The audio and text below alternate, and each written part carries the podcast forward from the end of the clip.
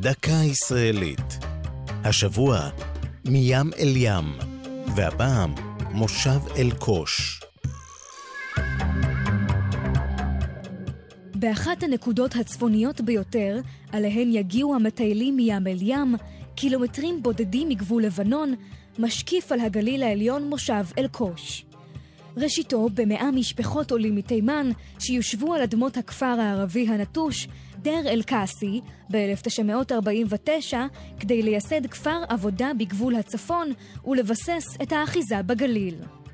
סבורים כי המקום קיבל את שמו כיוון שהיה מקום מוצאו של הנביא נחום האלקושי, בין המאה השביעית לפני הספירה. העולים מתימן התקשו לבסס את קיומם מחקלאות באדמות ההרריות של הגליל, ורבים מהם נטשו אותו.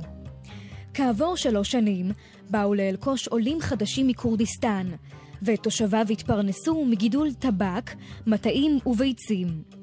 בשנות ה-60 וה-70 ערכו תושבי אלקוש מספר שביתות, בטענה כי הסוכנות היהודית ששלחה אותם לשם אינה תומכת בהם.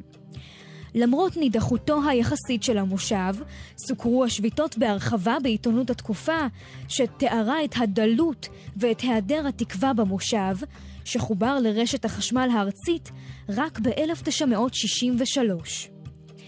כיום חיים באלקוש כ-300 תושבים, והוא מתבסס עדיין על חקלאות, ולצידה חדרי אירוח למבקרים בגליל העליון. זו הייתה דקה ישראלית על מים אל ים ומושב אל קוש. כתב יואב אונגר, ייעוץ הפרופסור יוסי בן ארצי, הגישה טליה כהן.